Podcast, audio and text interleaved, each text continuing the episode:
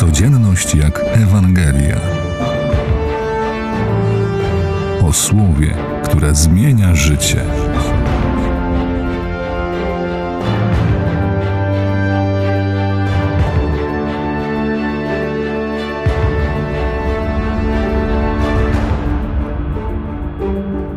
Dziś zmierzmy się z pytaniem, kim dla Ciebie jest Jezus Chrystus.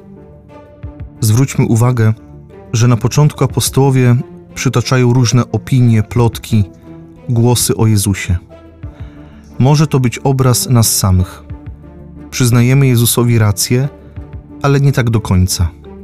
Rościmy sobie prawo do tego, aby Boża wola została uzgodniona z naszymi pomysłami na życie, na szczęście, na miłość, na Kościół, na świat, na Boże przykazania.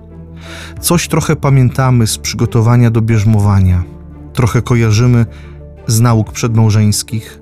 Mniej więcej wiemy, co jest w którym przykazaniu, ale to nie jest pełnia relacji z Jezusem. Wierzymy połowicznie, ufamy połowicznie, idziemy za Nim, trzymając bezpieczny dystans, gotowi w każdej chwili się wycofać, gdyby tylko coś nam nie pasowało. Gdyby pojawiły się wymagania Ewangelii i Bożych prawd, które trzeba przełożyć na naszą codzienność.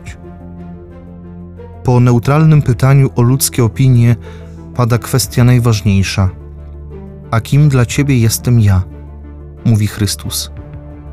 Zauważmy, że to pytanie pada, gdy Jezus i uczniowie są w drodze. Czy to tylko nic nieznaczący szczegół, a może jednak podpowiedź, że na naszej drodze wiary takie sprawdzające pytanie musi się pojawić raz po raz, zwłaszcza na zakrętach albo wtedy, gdy wybór drogi staje się mniej oczywisty. Tu nie chodzi tylko o wiedzę, ale o relacje, więź, bliskość.